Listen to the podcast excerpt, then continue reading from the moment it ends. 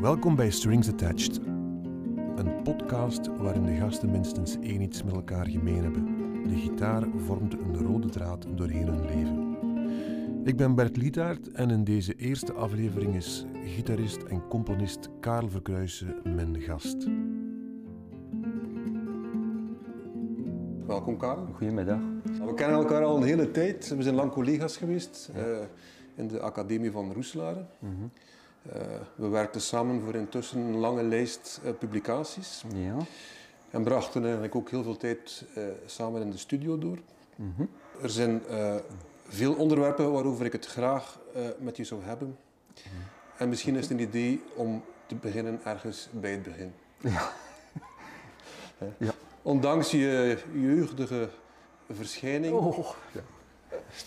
Uh, de feiten uh, zijn de feiten. Je bent geboren in 1956. 56, ja. Maar ik zeg altijd in december. In december. Voilà. Ja, voilà. Kun je ons ja. iets vertellen over uh, het gezin Verkruijsen? In welk voor soort gezin ben je opgegroeid? Was het een groot gezin? Was het een klein gezin? En, en vooral ook kwam je binnen dat gezin in aanraking met muziek of is dat via andere kanalen in je leven gekomen? Dat kwam eigenlijk binnen via het gezin ook, ja. Ik was de jongste van zes kinderen. Uh, van huis drie, dus drie uh, meisjes en drie jongens. En ik was het kakkernestje, zoals ze zeggen. En uh, mijn vader, ja, die was redelijk afwezig wel, want die stond in voor het inkomen van het gezin, zoals veel in de jaren 50 natuurlijk. En moeder was huisvrouw, hoewel ze vroeger ook, voordat ze getrouwd was met mijn vader, nog zelfstandig gewoond heeft en gewerkt ook. Dat was een van de weinigen eigenlijk na de oorlog, of juist voor de oorlog, die, die zelfstandig was ook. Uh, maar mijn vader, ja, die was van opleiding onderwijzer. Mijn vader, ja, opgeleid tot onderwijzer, zoals zijn broers. En dat was in Torhout hier, hier ergens. Uh, en dat was tegelijk ook opleiding tot koster. Mm -hmm. Dus uh, om in de kerk de missen te begeleiden was er een kosteropleiding, dat bestond hier in Torhout. Naast het uh, piano spelen, lesvol, speelde hij ook zo'n beetje de begeleiding van stomme films mm -hmm. in de oorlog. Dus ik denk dat hij ook wel eens een beetje creatief was. Zo. Je kon wel eens zo'n plan trekken om ja, te begeleiden. Zo. En uh, mijn moeder uh, heeft ook piano geleerd toen ze heel klein was. Uh, dat ze, ze zat in een nonnenschooltje in Roeselare. Uh, mijn vader heeft wel zijn opleiding noodleer verder gedaan in Gent. Hè. En zoals, ja, zoals een paar onkels van mij was hij dan fulltime onderwijzer en ik weet niet of het fulltime notenleerkracht was in Roeselare dat jij en je broers en zussen een muziekinstrument dat spelen, dat is een evidentie. Dat was eigenlijk evident dat we zeker ja, begonnen met notenleren. Dat was voor ons evident dat we dat ook deden. Maar Roeselaar was ervoor gekend voor die, die verder studeren. Dat is eigenlijk, ja, ah, van Roeselaar, goed, geen probleem. Notenleer ging ja. nooit een probleem zijn. Onder andere door mijn vader ook. Die gaf eigenlijk heel, heel goed notenleer. Het vijfde jaar, in de tijd waren er vijf jaar notenleer. Maar hij gaf dan ook nog een, een extra jaar, het vijfde B noemde dat. Dat bestond officieel niet, maar de directeur had dat ingericht als een soort zesde jaar. Voor eigenlijk deze die verder wilden studeren, dat was dan al die sleutels, Marcel Poot en op de maat een andere een maatverandering, al van die toestand. Ja, ja. Dus wij konden eigenlijk allemaal. Uh, ik heb dan het vijfde W heb ik maar gedaan, uh, helemaal op het einde van het middelbaar, denk ik. Ja, ja als voorbereiding. Als ik, als ik ja. plannen had. En, en speelde je dan ook een instrument? Ja, maar ik ben. Pff, ja, ik was eigenlijk niet zo echt. Uh, heel, uh, hoe noemen ze dat? Ja. Mijn instrument, ik ben begonnen met, met slagwerk. Bij Frans Soete was dat dan. Goh ja, uh, ik doe dat eigenlijk niet echt zo graag. Oh, oké. Okay. nee. ja. Maar ik, er stond thuis een piano en ik was eigenlijk veel bezig met te zoeken op de piano. Dus ik heb wel begonnen met slagwerk, maar mijn broers en mijn zussen allemaal eigenlijk ja, heeft er viool verder gedaan. Ik had een broer die ook uh, intussen gestorven is, maar die, die fluit verder gestudeerd heeft, die heel goed fluit speelde. Mm -hmm. En uh, een andere broer piano verder gestudeerd tot al zijn jaren en nog orgel ook. En mijn andere zus cello ook. Uh, maar die piano die bij jullie thuis stond, ja, die de, trok u wel aan? Dat, stond altijd open eigenlijk. Ja. En iedereen speelde daar zo een beetje op. Eh, mijn vader ook dikwijls, ja. En soms liedjes proberen na te spelen. Eigenlijk ben ik zo begin met toch interesse, interesse te krijgen voor muziek. Door mijn zus bijvoorbeeld, mijn jongste zus, uh, speelde dan, of probeerde de melodietjes te spelen van de radio, die mm dan wij kenden allemaal, of van langspeelplaten. En eigenlijk, uh, ja, ik zat dan links, dat was Kettermain, en ik zocht dan eigenlijk die akkoorden op de piano. Mhm. En zo heb ik eigenlijk mijn harmonisch gevoel toch wel ontwikkeld. Door, door te zoeken. Ik vond dat eigenlijk, zeg, dat is iets dat ik goed kan. Ja. Blijkbaar. Ja. Ik, ik, ik, wist niet van anderen die dat ook zo... Dat leek u evident, of dat was evident eigenlijk. Ja. ja. maar er was een keer in het laatste jaar van het lagere, uh, voor de verjaardag van de meester, mochten dan een paar uh, toneeltje of iemand die een muziekinstrument spelen. En er was één leerling die stukjes speelde uit Alfonso, dat was dan het boek. Hè. Mhm. Iedereen leerde Alfonso. Ik vond dat eigenlijk wel een mooi stukje. Toen mijn vader zei, je pakt leerde ook geen gitaar. Dus ben dan eigenlijk begonnen bij Luc Arbeid. Ja, eigenlijk was Luc nog niet begonnen toen ik... Eerste, eerste twee lessen, dat was eigenlijk een andere leerkracht. Die dan in Brugge zat, uh, Mesgaard. Lieven Mesgaard. Lieven Mesgaard, ja. Maar die, die vertrok dan naar Brugge en ik, ja, ik was zo'n beetje de draad kwijt. Zo. Ja, ik ging eigenlijk niet. en dan plots, ja, uh, mijn vader had, dan Luc Arbeid gesproken. Oh, wat zit hij dan? Hey? Dus ik met een... Ja, een klein hartje. Met een klein hartje naar de volgende les. En Luc was dan ook okay, hem goed kwaad gemaakt. Zo. En de volgende les, ik had dat lesje goed geleerd en nog eentje erbij. Zo. Oh, ja. was, het was eigenlijk. Ja. Eigenlijk ook uh, met die kennis van de piano ook en met mijn broer zo samen zo proberen. Ja. En mijn zus die kende ook wel de akkoordjes. Beginnen ja, ja. Dat was toen, uh, bijvoorbeeld de, dat liedje daarvan. Uh, dat was eigenlijk de eerste drie akkoorden dat ik kon spelen. Zo. Uh,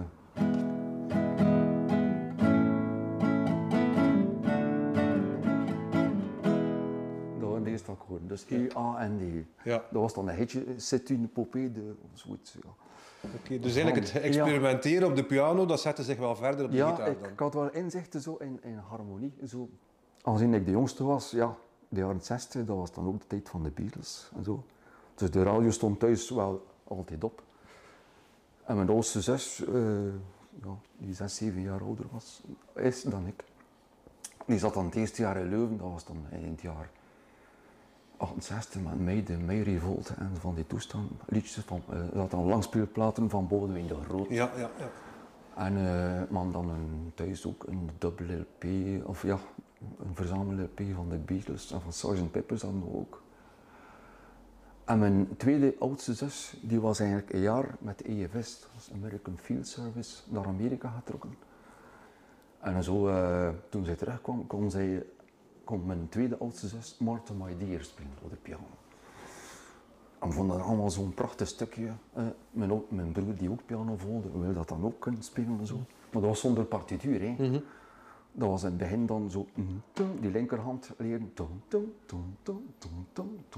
en dan proberen die, die nootjes daar testen te krijgen. Heel veel werk, maar ik zat daar verwoed aan te oefenen, mhm. totdat, totdat ik het kon. Dat was voordat ik gitaar kon spelen. Ja, ja, ja. Uh, en dan, uh, een beetje later, toen ik begon met gitaar, samen met mijn broer, denk ik, met Philip, uh, uit de LP eh, van de Beatles, de witte dubbele. Mm -hmm. Dat was mijn eerste langspeelplaat dat ik gekocht had. 450 frank, veel geld. Met allemaal spaarcentjes.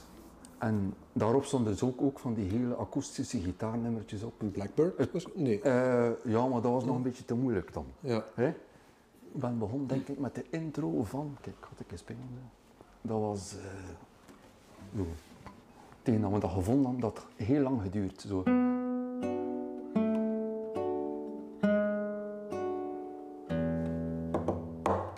De intro. Het een en ander gevonden, dat heeft te lang geduurd. En dat gaat dan verder zo.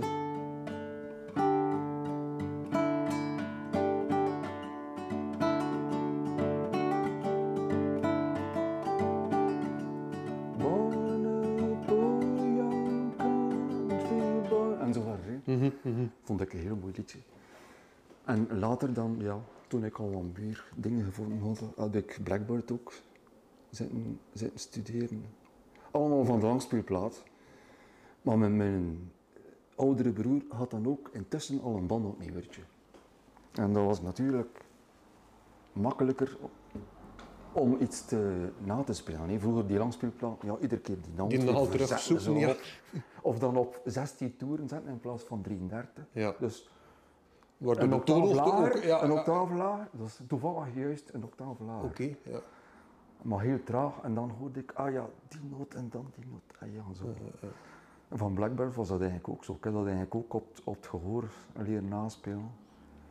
En dan ook eh, Julia bijvoorbeeld van John Lennon. Wat een dat ik gevonden heb, dat hij met een klem speelde, dat, dat duurde lang. Ik vond dat zo moeilijk zonder klem. Ik zei, dat kan niet dat dat zo gespeeld wordt. En intussen had ik dan ook een klem aangeschaft. En dat was eigenlijk ook het begin van de, zo van, zo de, de fingerpicking. hè. Dus dat was dan met een klem zo gespeeld. van.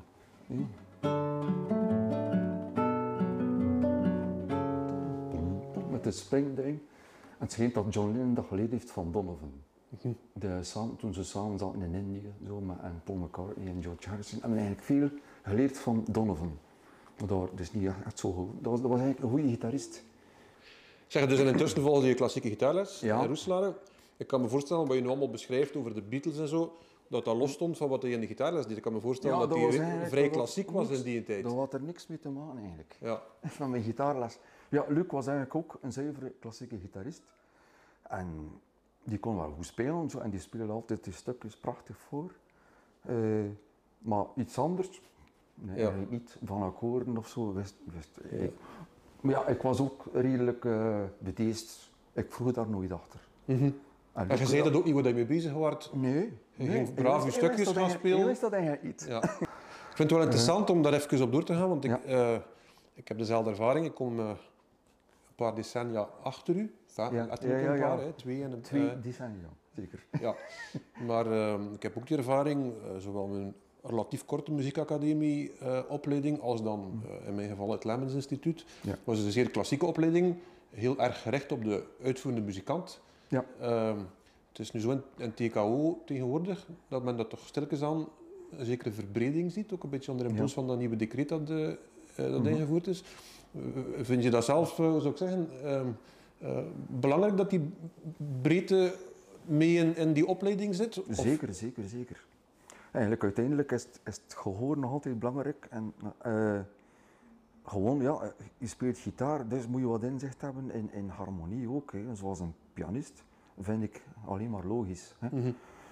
Ehm, en de verbreding, ja, het, natuurlijk dat creatieve, de, de een heeft dat meer dan de ander. Hè. Maar het is gewoon durven de eerste stap zijn en als je dat, dat te laat doet, dan komt het er niet meer van. Ja, Dat heb ik al ondervonden. ja. Hè, toen, toen ik ja, in het middelbare begon met gitaar, was ik zelf inder- inderdaad veel op mijn eigen nog bezig en liedjes naspelen. Ik had dan een vriend ook die, die ook nog gitaar gedaan had en die door mij weer opnieuw zijn gitaar nam en we speelden dat samen en zo. eh, Mhm. Dingetjes eh, naspelen, eigenlijk van de Beatles meestal. Ja, dat was de, onze supergroep. Maar inderdaad, die opleiding, eh, zeker, zeker, zeker. Had dat moeten bestaan vroeger, ja, ik, ik had dat direct gevolgd, die zo Ja. pop en jazz en zo. Ja.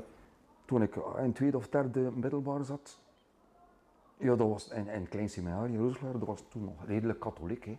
Dus iedere, iedere week naar de mes, de vrijdag. Ehm, en we mochten dan met een paar zo de mes begeleiden. Dus ik met mijn vriend, die Mhm. ook gitaar speelde. Hè. Dus wij samen de liedjes van, van de mes, eh, zo, die akkoorden zoeken. Hè? Ik zou nog even willen oppikken. Je, hebt- je hebt al eh, een en ander verteld over eh, uw jeugd in het gezin Verkruisen. Ja, het feit ja, dat muziek daar een evidentie was. Uw geëxperimenteer eh, in eerste instantie op de piano. Het feit dat eigenlijk uw harmonisch gehoor daar toch voor een stuk gevormd wel, ja, geweest is. Ehm, daar wil ik nog heel even op inpikken. En misschien is dat voor, voor andere mensen ook wel boeiend. Ik moet zeggen, ik stel zelf altijd versteld van enerzijds hoeveel muziek je kent. Heb ik ondervonden als we bijvoorbeeld samen aan de gitaarmethode werkten, dat je altijd wel een idee had van, ah, maar misschien Ah. kan dat of dat ervoor dienen, dat is een melodietje, dat komt het, dat is Ah, ja. of dat is dat. Hè. Maar anderzijds ook eh, ja, hoe- hoeveel muziek je kunt spelen. ehm, en dat, ik denk dat dat onmogelijk is zonder een goed harmonisch Ah, gehoor. En jij vindt dat een evidentie, omdat je het waarschijnlijk als enerzijds getalenteerd ervoor zit en als kind ontwikkeld hebt. Maar ehm, zou je er iets over kunnen zeggen, over hoe dat, dat voor u werkt? Ik ga- mijn, mijn vraag misschien specifieren. Ik, ik weet dat er mensen zijn die zeggen, maar ik, ik hoor functioneel. Ik weet bijvoorbeeld in een toonart het gevoel van een, een eerste graad die naar een vijfde graad gaat en dan naar een zesde graad en een vierde graad. Gelijk eh eh, Let It Be bijvoorbeeld. Ik, ik hoor Ja, dat. ja. Hè. Maar andere mensen zeggen, nee, nee, ik volg eigenlijk eerder de baslijn met mijn oren en dan hoor ik wel of dat, dat een majeur of een mineur akkoord is die erbij staat. Heb jij zelf een idee bij jezelf hoe dat, hoe dat het werkt? Tja. Want ik, ik heb al vaak met u meegemaakt dat we spreken over een liedje, dat hij zo'n keer diep nadenkt, een gitaar pakt en ah ja, wacht, eh, dat gaat er zo en dan begin je dat te spelen. Dus Ja. kun, je, kun, je- kun je zelf verwoorden hoe dat, dat dan werkt bij u? Of is dat zodanig... eh, Voor eh, mij is dat zeg- natuurlijk evident, ja. Ja. Eh, ja, de basis is natuurlijk de melodie. Dat is het probleem met, met gitaar, vind ik. Met klassieke gitaar. Of ja, dat je, je hebt maar één hand Mhm. om alles te spelen. Een pianist kan zeggen, ik speel hier de melodie Ja. en daar de begeleiding. En daar, eigenlijk door piano kunnen spelen, heb ik dat leren zo, ja, proberen samen te gooien in één hand. Mhm. Mhm. Natuurlijk met de beperkingen erbij. Hè. Maar het belangrijkste is dat de melodie er blijft. En de baslijn ja, kun je natuurlijk altijd aanpassen. Mhm. Mhm. Als kan, proberen te houden ook. Hè. Maar, eh, ja. Maar goed, nu spreek je Ja. eigenlijk al voor mij een stap verder, hoe je dan effectief het uitvoert op een gitaar. Ja. Maar, ehm, ehm, maar er komt natuurlijk nog een stap voor van ook te horen wat dat die harmonie is die eronder zit. Of is ook dat voor u een evidentie? ja, maar ik zeg, het, door, door met mijn zus en ik aan de piano te zitten, zocht ik die op het gevoel. Mhm. En het is eigenlijk daar dat ik het geleerd heb. Ik zeg, nee, dat is iets dat ik rap vind. Zo. Mijn Ja. zus kon dat niet, maar ik wel. Maar hoe dat, dat komt. Ja. Denk van mijn moeder. Oké. Mijn moeder kon ook van alles spelen en had een heel goed muzikaal geheugen. Ja. Kon van alles spelen. Ja.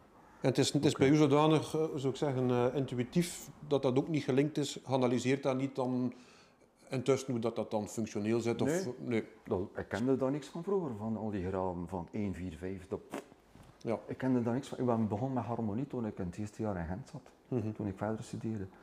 Maar ik had er wel besef van. Hè. Ja. Ja. Zonder het te kunnen benoemen. Ja, Eigenlijk, hè? ja. Ja. Ja, dat was... Ja. Maar ik speelde gewoon in, in grondlegging. Hè.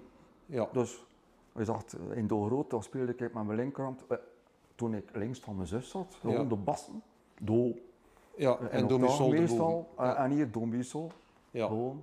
Maar geen omkering nog niet. Nee, dat was te moeilijk. Hè. Ja. Later wel. Toen ik zeg, ah, kijk, mi sol do, ja, eigenlijk. Ja. Ja, ja, ja. Om je akkoorden vloeiender met elkaar te verbinden. Maar je ziet het allemaal liggen hè, op de piano. Ja, ja, ja. En eigenlijk, die kennis heb ik gewoon proberen over te zetten op gitaar. Natuurlijk met beperkingen van toonaarden kun je zomaar zeggen, ik ga hier in mi-mol groot spelen. Mhm. Tenzij je met een klem. Maar dan Dat denk doe ik nog tegenwoordig als ik, als, als ik moet gaan spelen. En het is een stukje mi-mol. Ik zet mijn klem gewoon op drie en ik speel in do. Ik denk gewoon in do groot. Ja. Dus gelukkig heb ik geen absoluut gehoor. ja, gelukkig, ja. ja het is... Het zijn er veel, veel muzikanten die daar wel last mee hebben. Bijvoorbeeld ja, Michel, dat ik dikwijls mee speel, die zegt, Mhm. "Oh, dat, voor mij zou dat niet lukken hoor. Nee, nee, nee. Dus ik speel gewoon do, re, mi, fa, sol, maar het klinkt in mi, mol, groot. Ja. Goed, Karel, dat ehm, muziek en gitaar, via de academie, via het gezin, via Ja, de muziek ja, die je hoorde, ja. de Beatles enzovoort, eh, eh, zijn impact gehad eh, heeft al vroeg in uw leven. Ehm, dat is intussen dat is duidelijk. Ehm, natuurlijk, wij kennen u vandaag als componist. Ja. Ik denk dat heel veel kinderen en jongeren die gitaar spelen in Vlaanderen en daarbuiten u kennen, of toch althans uw naam kennen. Ja, ja, ja, ja, ja. Wanneer heeft dat zo'n beetje zijn aanvang gevonden? Wanneer heb je ontdekt van ehm, ook, ehm, naast dat spelen en het, eh, het naspelen, begeleiden en ehm, Mhm. ook het creëren van muziek is eigenlijk iets eh, wat in me zit en, en waar ik graag mee bezig ben. Ja. God ja, dat is zo, eh, denk ik, tweede of derde jaar dat ik gitaar speelde zeker. In de middelbare school was-? Ja, in de middelbare school. Dat was in het begin met die techniek, zo van die fingerpicking techniek eigenlijk. Ehm, dus in het begin was dat wat een bas, nu je zegt, en, en blues spelen. Ja, dat is ook iets op piano dat ik vroeger deed met mijn broer, boogie woogie spelen. Ik heb er eigenlijk ook veel eh, van geleerd, van zo leren improviseren, gewoon eigenlijk, ja, eh, pentatonisch en zo, ja, een hier en daar, zo. maar eigenlijk de basis, we dachten gewoon niet in blueschema, dat was vanzelfsprekend. Zoals, ja. Eh, en dan later zo, ja, proberen, zoals in, in, ragtime ook, hè, die, die bas proberen zo apart te krijgen van de melodie. Dat was eigenlijk de basis van, van een zo eerste...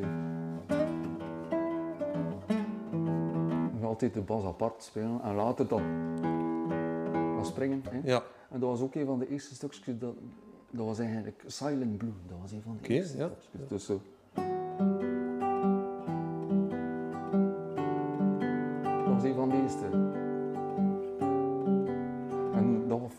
goed gevonden van mij.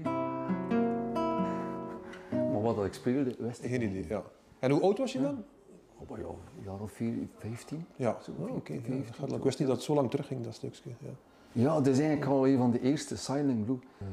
En noteerde je toen ook? Nee. Nee. Totaal niet. Maar ik had wel ook intussen een eigen bandopnemertje. Dat ik, veel, ik had er echt heel veel aan, aan dat klein bandopnemertje. Zo met, met twee grote spoelen. Mhm. Zelfs met vier sporen, ongelooflijk.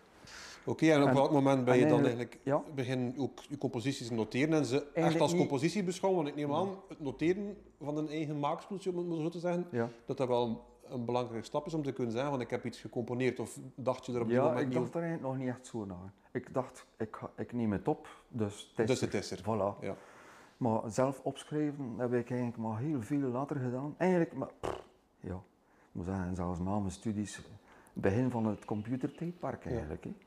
Toen de, de eerste, mijn eerste Mac, ik ga het zo zeggen, Ja.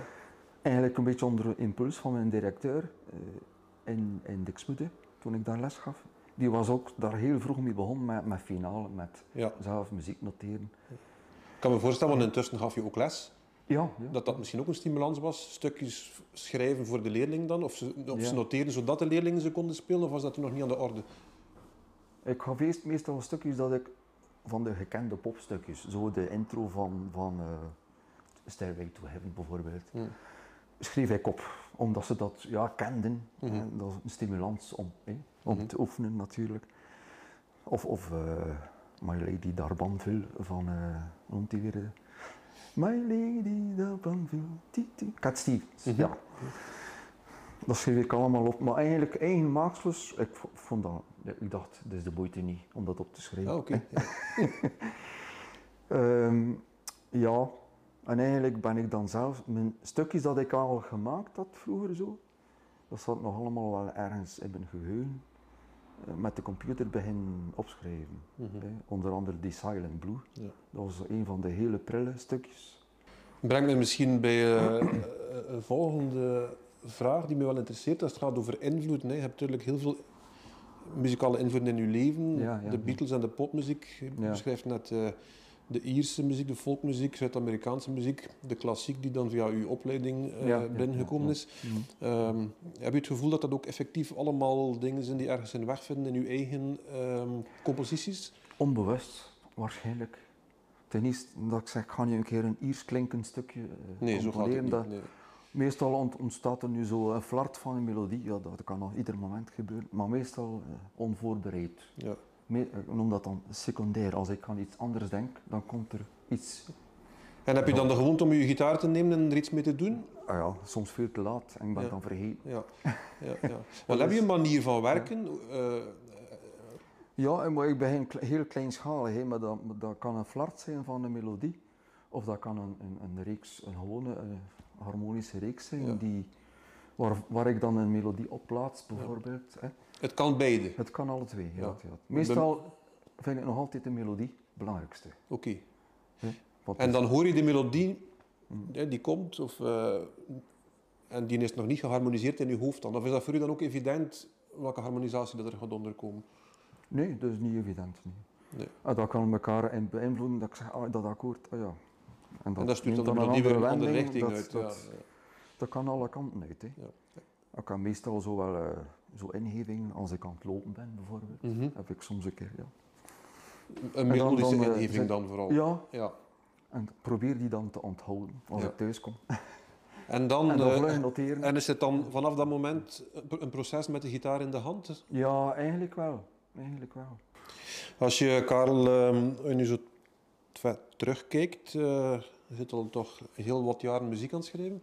Ja. Zie je daar ergens een lijn of een evolutie in? Eh, heb je het gevoel dat de muziek van de laatste jaren dat dat ergens ehm, geëvolueerd is, eh, harmonisch andere richting uitgaat? Misschien ook weer onder impuls van invloeden, eh, dingen die je hoort en zo? Ik weet niet als er evolutie in zit. Mhm. Ik kan dat moeilijk zeggen. Ja. Het hoeft misschien ook niet, hè, want eh, een bluesmuzikant die kan eh, tot zijn honderdste Ah, met dat bluesschema creatief Ja, zijn. Hè. ja. Dus, eh, je sprak er net even over eh, muziek schrijven in functie van of op vraag van, bijvoorbeeld eh, in functie van de gitaarmethode, gitaarhorizon. Mhm. Ehm, zijn zo'n externe vragen belangrijk voor u? Want mensen eh, misschien even meegeven, je bent intussen eh, met pensioen in het onderwijs. Ja, ja, hè. ja. Dus je hebt eigenlijk heel veel vrijheid om je dagen in te vullen gelijk Ja, je ja, het wilt. Ehm, ehm, zijn die externe vragen belangrijk of is muziek voor u zodanig evident dat je eigenlijk, of dat er nu vraag naar is of niet, eh, daarbij bezig blijft? Ik blijf daar mee bezig. Alhoewel het niet meer hoeft, natuurlijk, maar toch, ja. Maar eigenlijk, ja, met die methode bijvoorbeeld, eh, door de beperkingen van de techniek, dat zal kunnen, eh, heeft eigenlijk, ja, is dat dus zo een impuls om, om iets te Ja. schrijven, wat dat zou wel zo'n kunnen die toch leuk zou kunnen zijn. Ja, ja, ja. Terwijl dat je zou zeggen, ik ga een gedichtje moeten schrijven, het moet rijmen, eh, Ja. je moet met zoveel regels schrijven. hè. Dus door de beperking eh, heb je minder mogelijkheden, maar je kunt je daar dan volledig op toespitsen ook. Maar de beperking stimuleert hè, vaak of inspireert. hè. En wel, Dat is voilà, zo. dat is het. Ja. Eigenlijk is het zo. Ja. Als, eh, ja, als je een zee van water ziet, ja, En dan is ons, ons instrument, de gitaar, misschien wel het instrument bij uitstek, want het, het is zo beperkt. het is zo beperkt en inderdaad, ja, eigenlijk op piano op zelf heb ik eigenlijk die, die gecomponeerd. Wat ik u toch ook nog zou willen eh, voorleggen, is, ehm, is het volgende. Ehm, ik en eigenlijk velen kennen u als een bescheiden man. Mhm. Eerder low profile, in die zin... Ik heb in de tijd vaak met u op vakvergaderingen gezeten en zo. Je bent niet de man die eh, nee, nee, zeker niet. ehm, Nee. Van het hoge woord. het hoge woord gaat voeren. En ehm, eh, men zegt wel eens over u, hij is veel te, te nederig eigenlijk, want zijn talent is, eh, zijn muzikaal talent is heel groot en, die, en, en de muziek die hij schrijft is prachtig. En, ehm, het is een economische wetmatigheid als je een product in de markt wilt zetten, dat u profileren met uw product, Mhm. dat dat natuurlijk niet onbelangrijk is. Dat geldt eigenlijk ook als je kijkt naar de muziekindustrie. Hè. Ik denk dat misschien eerder in, het, eh, het, het- in de pop, hè, eh, ja, dat, dat eh, wat, ze, wat ze dan in het Engels noemen, ehm, image building, een imago er rond creëren, hè, u, u op de markt zetten en zo, Allee, Ja. dat dat toch een, een rol speelt. Ehm, ik ga mijn vraag opdelen in twee. Ben je daar zelf van bewust van eh, uw bescheidenheid uw, als mens? En heb je ooit de vraag gesteld, is dat eigenlijk iets wat dat, ehm, een rol speelt in hoe dat mijn muziek al dan niet tot bij de mensen komt? Ik weet niet of mijn vraag een beetje duidelijk is. Hmm, ja, bescheiden ben ik, ja, inderdaad. En hopelijk niet vals bescheiden. Hè. Ja. Eh, maar pff, eigenlijk, ja. ehm, het economische heeft mij nooit echt geïnteresseerd, moet ik zeggen. Mhm. Dus voor het geld doe ik het nooit. Nee. Maar vind je het belangrijk Eh, dat uw muziek gespeeld wordt? Dat- Ja, dat, ik vind het belangrijker dat het, dat het er is, dat, dat je het uitgeeft, Bert. Ja. Dat het bestaat. Dus dat is mijn... Hè. Zou ik zeggen, als ik er niet meer ben, hopelijk wordt het ergens nog gespeeld. Ja, Dat is eigenlijk het enige waarvoor ik het doe. ja, Dat is zoiets... Ik zou zeggen, het is een talent dat ik ge- gekregen heb. En ik vind mijn, mijn taak om, om daar iets mee te doen. ja. Voor de, voor de medemens. Ja. Niet voor mijzelf, maar Ja, eigenlijk voor, voor een, een ander. Ik zou het te jammer vinden, moest het in mijn hoofd blijven steken, dat er niemand weet. Mhm. Dus ik wil ergens wel ja, nog, nog herinnerd worden aan die stukjes. Mhm. Dat is het enige. Maar als er natuurlijk, ja, als ze stukjes spelen van mij en ik zit in het publiek en ze zeggen, ja, de componist zit daar, ben Het ik doet- dan natuurlijk wel, ja. dat doet me plezier natuurlijk. Maar het hoeft, ja, het, is niet de, de eerste drive om zoiets ja. te doen. Hè. Dus uw drive om muziek te schrijven is eigenlijk nog altijd het plezier van ermee bezig te zijn in eerste Voilà, instantie. en eigenlijk voor, het- voor de medemens, of die er, die er wat bij me doen, die er niets mee doet, ook, ook oké. Goed Karel, ik wil u heel graag eh, hartelijk bedanken voor deze babbel. Graag het, eh, gedaan. heel verhelderend. En heel veel succes eh, met, alle, met de uitvoering van alle plannen. Dank u wel. Voilà.